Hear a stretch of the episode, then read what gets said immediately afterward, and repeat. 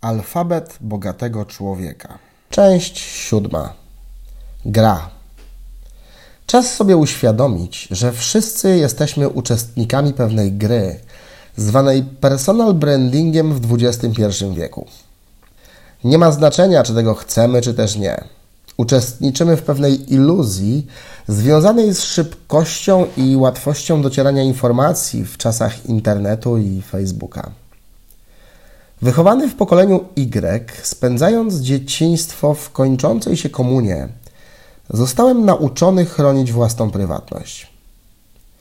Kiedyś prywatność była wartością, dziś stała się elementem marketingowym. Dziś często osoby publiczne pokazują swoją prywatność, żeby pomóc stworzyć ludziom namacalne obrazy ich własnych marzeń o tym, jak może wyglądać życie. Tym samym zaskarbiają sobie sympatię odbiorców. Czy to jest dobre czy złe? Myślę, że to nie to kryterium oceny. Sam też to robię. Dopuszczam się swoistego ekshibicjonizmu, pokazując zdjęcia z tego, co robię, gdzie jestem, fotki z wakacji, relacje ze szkoleń, które są moją pracą i ze szkoleń, w których jestem uczestnikiem. Moim zdaniem to znak czasu. W erze globalnej wioski, internetu i mediów społecznościowych zmienił się sposób komunikowania ze światem. Wszystko stało się bliskie i na wyciągnięcie ręki.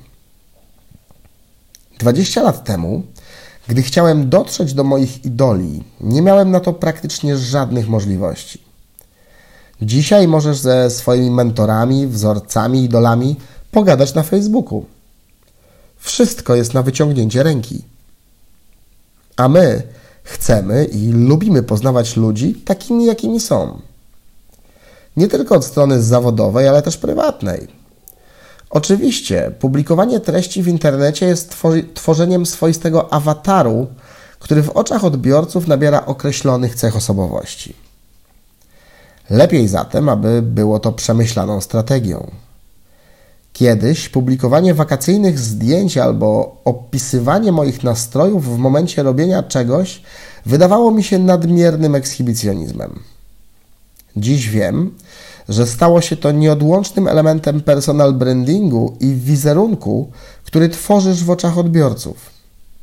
Część klientów, pracodawców albo partnerów biznesowych sprawdzi, co mówisz o sobie i co mówią o tobie w mediach społecznościowych. Na tej podstawie ocenią, czy mogą ci zaufać i czy to, co mówisz o sobie oficjalnie, jest spójne z tym, co mówią o tobie twoje działania, rezultaty, poglądy i relacje.